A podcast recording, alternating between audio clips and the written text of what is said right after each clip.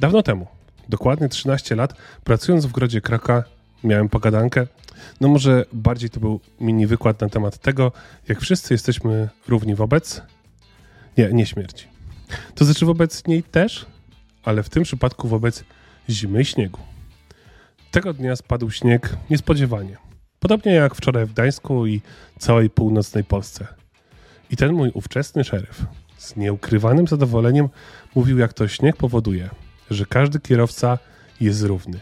Nieważne, ile ma kasy i czym jeździ.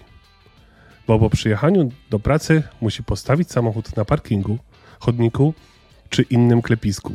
Ważne, że na polu.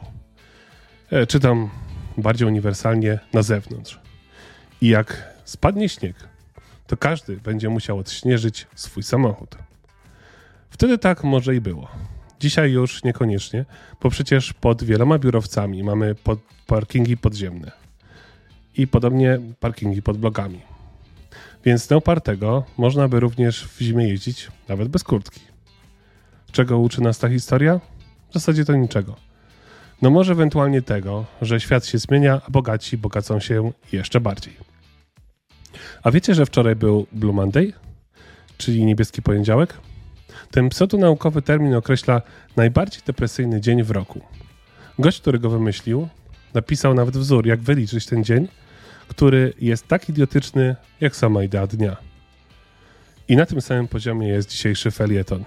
Ale dzięki Tobie, Twoim lajkom, komentarzom i subom możemy być tak znany jak Blue Monday. Udanego dnia.